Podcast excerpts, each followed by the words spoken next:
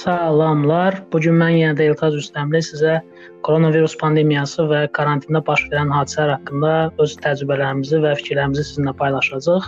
Stay Home podkastında. İlk öncə onu da qeyd edeyim ki, bu gün də qonağımız olacaq, amma qonağımıza söz verməmişdən qabaq bəzi əsas statistikanı və məsələləri nəzərinizə çatdırım.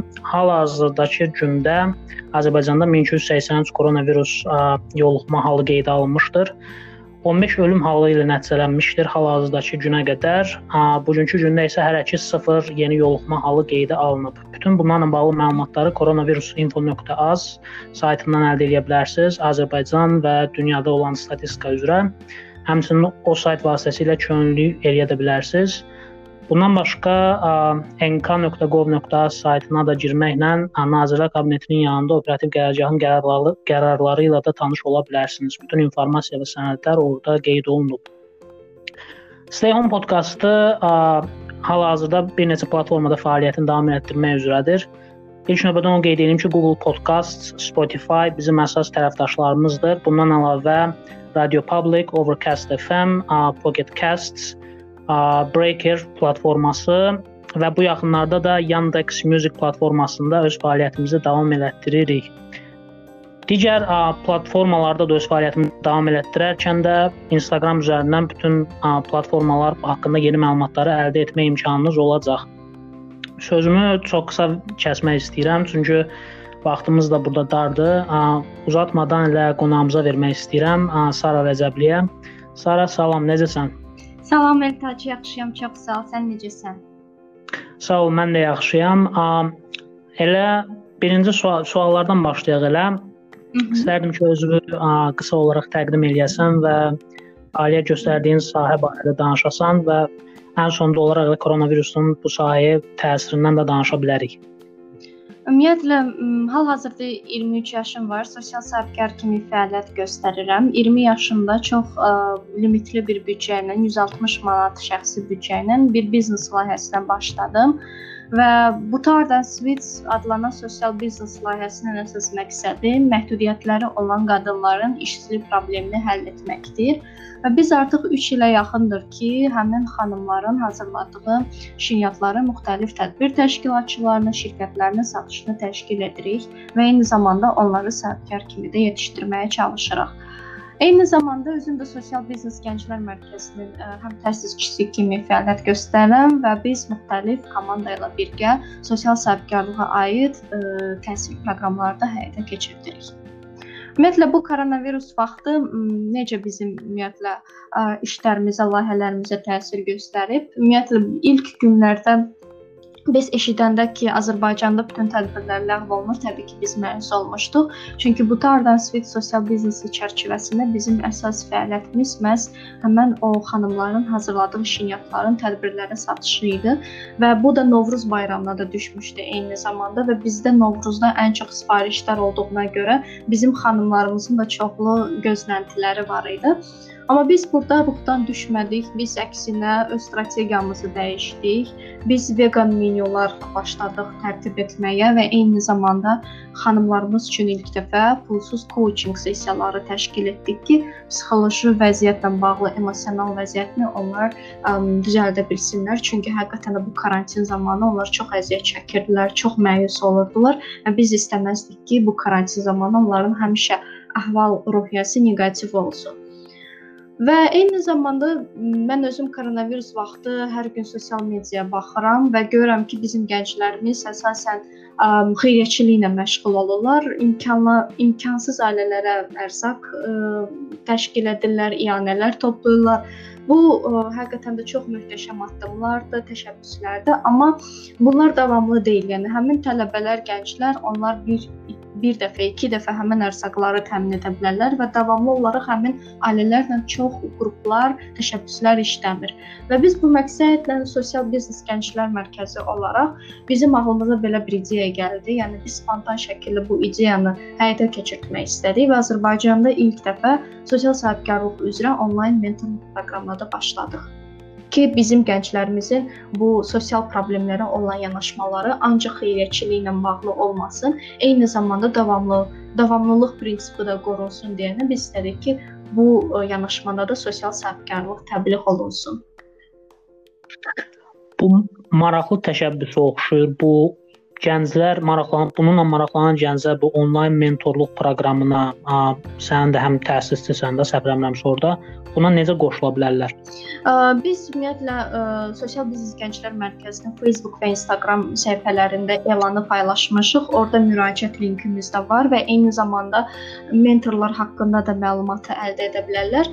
Yəni istənilən gənc, yəni əgər onun vermək istədiyi təcrübə varsa, mentor kimi də müraciət edə bilər. Əgər onun sosial biznes ideyası varsa, o öz ideyasını biznesə çevirmək istəyirsə, təmənnası şəkildə o mentorluq dəstəyini də ə, vurğulamaq istəyirsə, yəni biz onun müraciətini də qəbul edərik.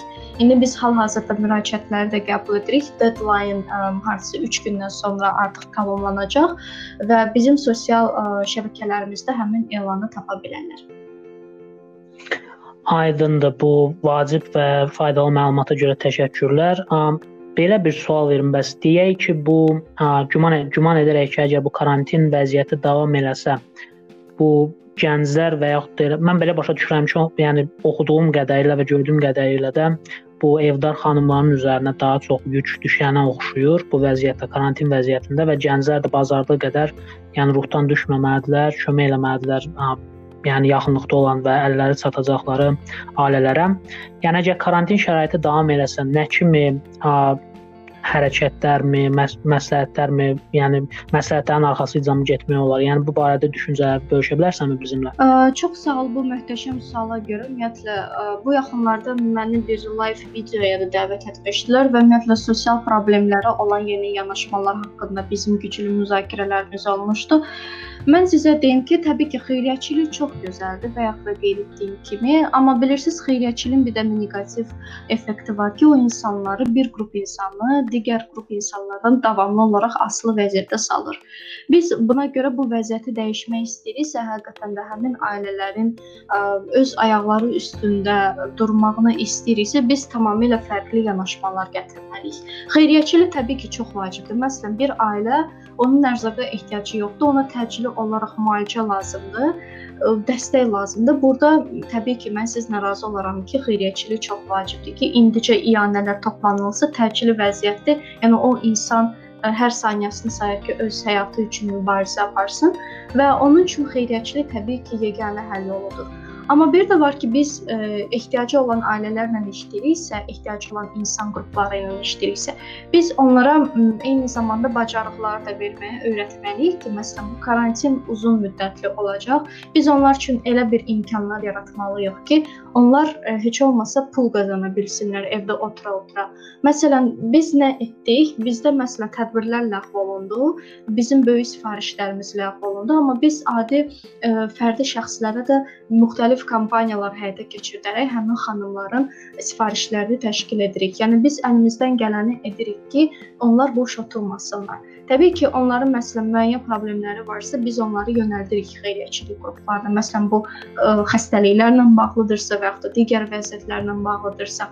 Amma biz onları heç vaxt qeyd edəndə hal-hazırda komanda olaraq hazır pul olsun, ərzaq olsun, bizim komanda onların ailələrinə bunu təşkil etmir. Çünki bizim məqsədimiz heç vaxt bu olmur. Biz həmişə istəmişik ki, onlar yəni heç kimdən asılı olmasın və bunun üçün də biz sadəcə işlər görürük, fəaliyyətlərimizi də görürük ki, onlar evdə nəsə etsinlər və bununla da pul qazansınlar. Onlar hiss etsinlər ki, yəni onlar heç kimdən asılı deyillər. Heç kimdən də əski də deyillər. Yəni belə pis çıxmasın və eyni zamanda biz onu ə, bu bu yanaşmayla biz bütün cəmiyyətdə onu sübut etdirmək istəyirik ki, təkcə evdar xanımlar deyil, eyni zamanda məhdudiyyəti olan insanlar, yəni onlar həqiqətən də çox bacarıqlıdır. Sadəcə biz onlara istiqamət, bacarıq, imkan yaratmalıyıq ki, o potensiallarından istifadə etsinlər. Yəni bu düşüncə tərzi bizim gənclərimizdə olmalıdır ki, yəni qısa müddətli düşüncə olmamalıdır bizdə ümumiyyətlə biz insanlarla çalışırıqsa. Bu gün getdim mən ərzaqları apardım, bununla mənim işim bitdi. Xeyr. O ərzaqlar müəyyən müddətdə həmin ailə üçün lazım olacaq.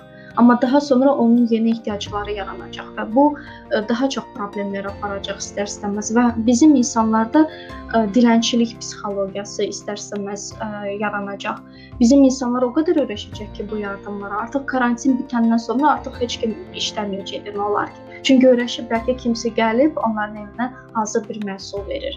Buna görə də insanlara hazır balığı deyil, balığı tutmağı öyrətmək lazımdır, göstərmək lazımdır ki, onlar da özlərini həqiqətən də qürurlu hiss etsinlər. Elə bu tipli məsələlərdə məsələ dediyin kimi elə həmin o insanlara bu balıq tutmağı öyrətmək üçün, yəni də qeyd etdiyim bu sosial sahibkarlıq biznes mərkəzinə həm təsis olduğu müraciət edə bilərlərmi? Bu fiziki məhdudiyyətli şəxslərmi deyim və digər a, maraqlı şəxslərmi deyim, yəni bu sahədə Bəli. öz işlərini qurmaq. Bəli, bu, bu yəni, müraciətləri də qəbul edirik. Yəni təkcə bu mentorluq proqramı çərçivəsində deyil, biz həmişə belə müraciətlərə açığıq. Yəni bizim də ümumiyyətlə sosial biznes gənclər mərkəzi olaraq əsas missiyamız, yəni əlimizdən gələni etməkdir ki, bu sosial sahibkarlıq inkişaf eləsin. Və biz ə, həmişə gənclərdə, həmişə müxtəlif həssas qruplardan olan müraciətləri həmişə biz pulsuz konsultasiyalar edirik ki, onlar öz ideyalarını ə, tez və sürətli şəkildə bizneslara çevirə bilsinlər.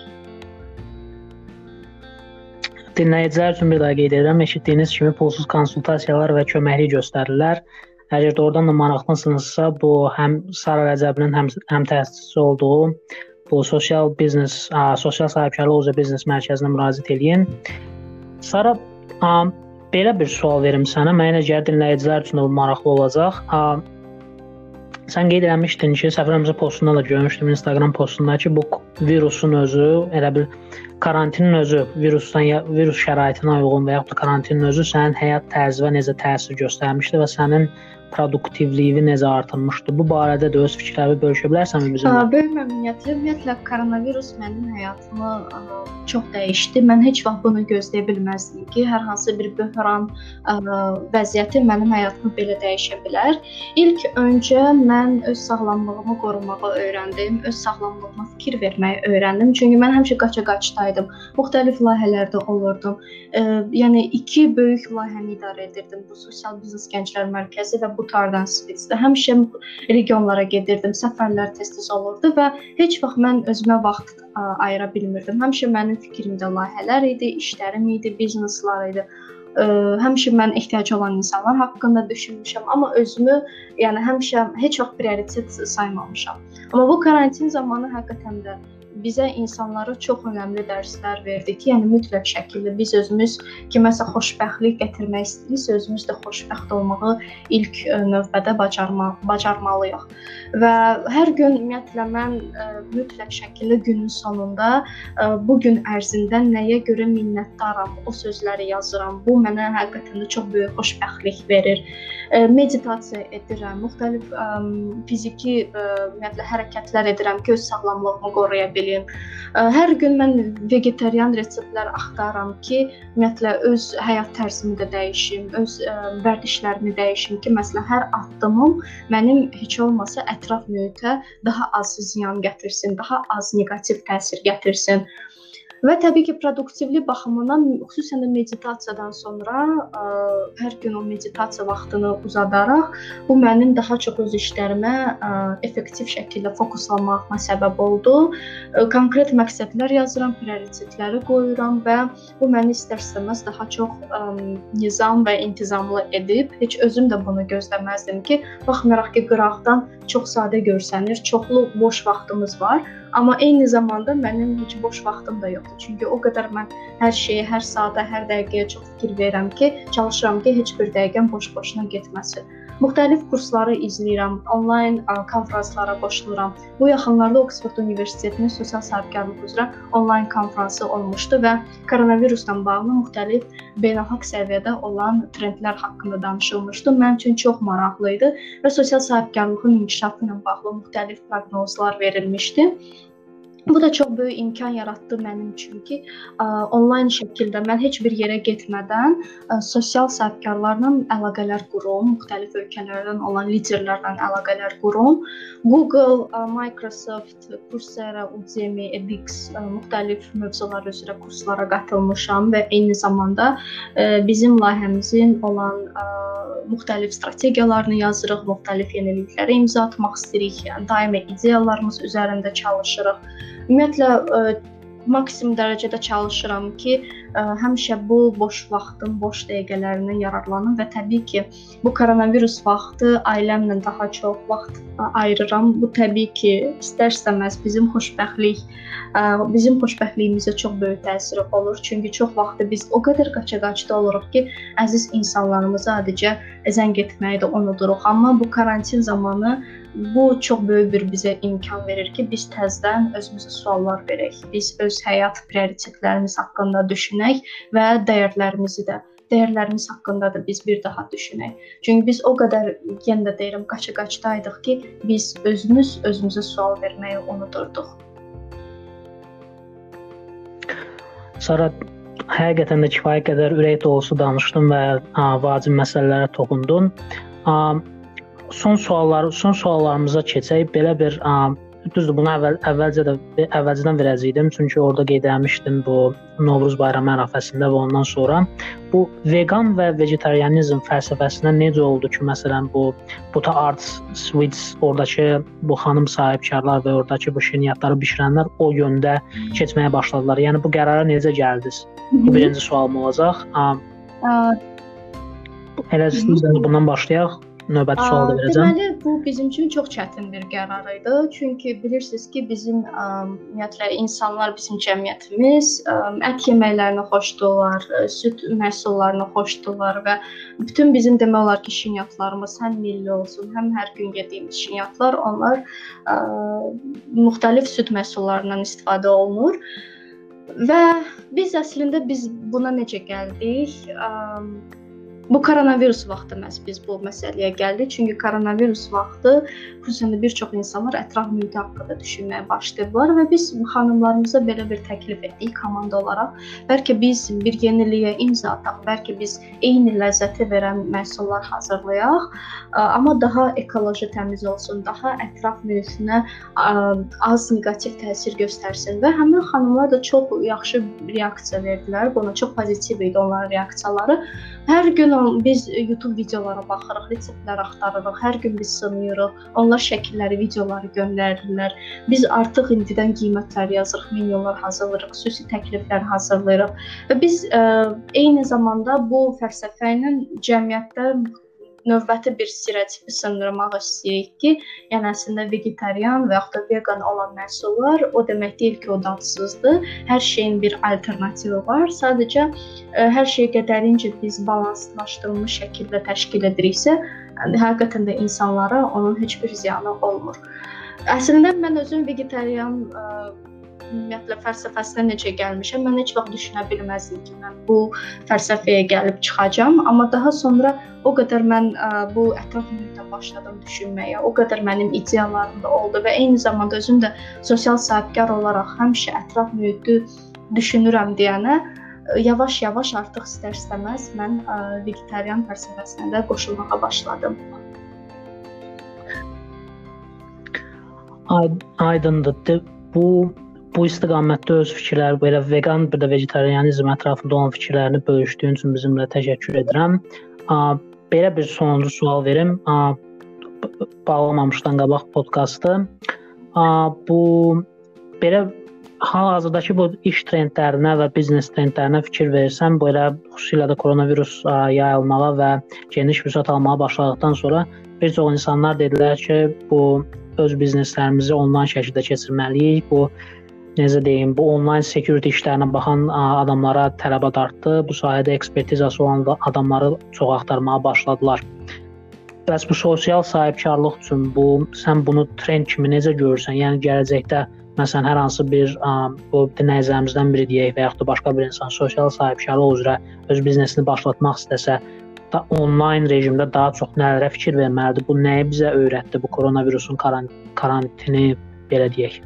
Ümumiyyətlə koronavirus özü bizə çox böyük bir dərs verdi və bu karantin zamanı insanlar daha çox smartfonlara, xüsusən də bağlı olmağa başlayıblar. Yəni bu artıq bağlılıq o deməkdir ki, indidən karantin zamanı artıq bizneslər, hətta oflayn mağazalarda belə təkcə sosial sahibkarlar deyil, artıq onlar yavaş-yavaş onlayna keçirlər.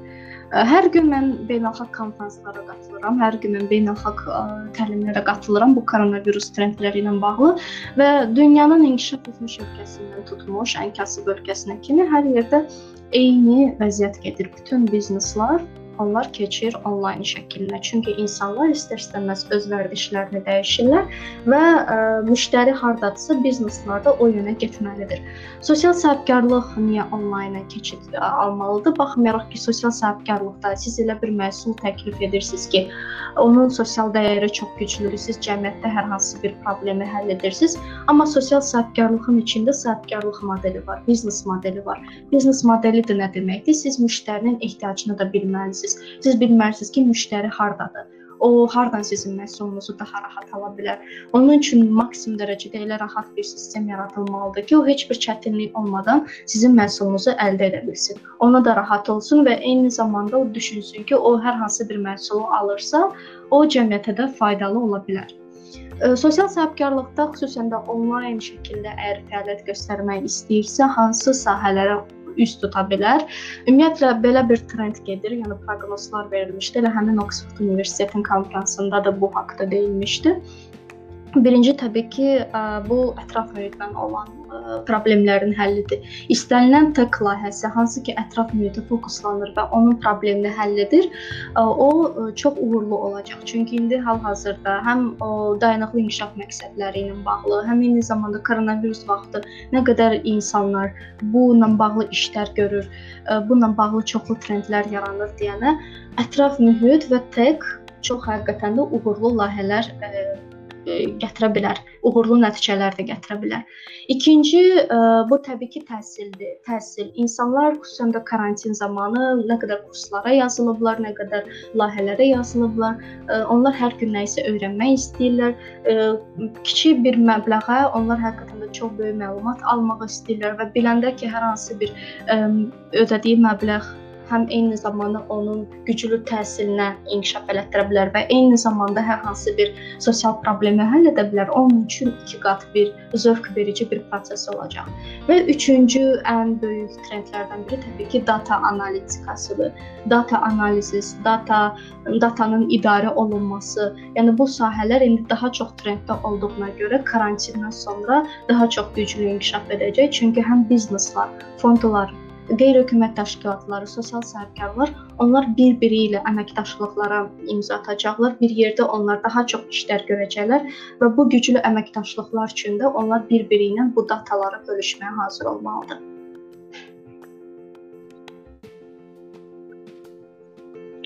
Aydındır Sara, bu dəyərli məlumatı, bu konfransla əlaqəli dəyərli məlumatı bizimlə bölüşdüyün üçün minnətdaram sənə. Və ən son olaraq səni, səni bir də sənin gördüyün ə, işləri və fəaliyyətləri izləmək üçün ə, bizim dinləyicilər səni hardan izləyə bilərlər bu sosial mediada? Gözəl layihəyə məni dəvət etdiyinə görə mən LinkedIn-də mənim hesabım var. Sara Rəcəbli yaza bilərsiniz və eyni zamanda Instagram səhifədə də Sara Rəcəbli yazaraq siz mənim profilimə də ə, yaza bilərsiniz. Nə sualınız olsa, nə müraciətiniz olsa, ə, çox böyük məmnuniyyətlə sizin suallarınıza da cavab verməyə hazıram.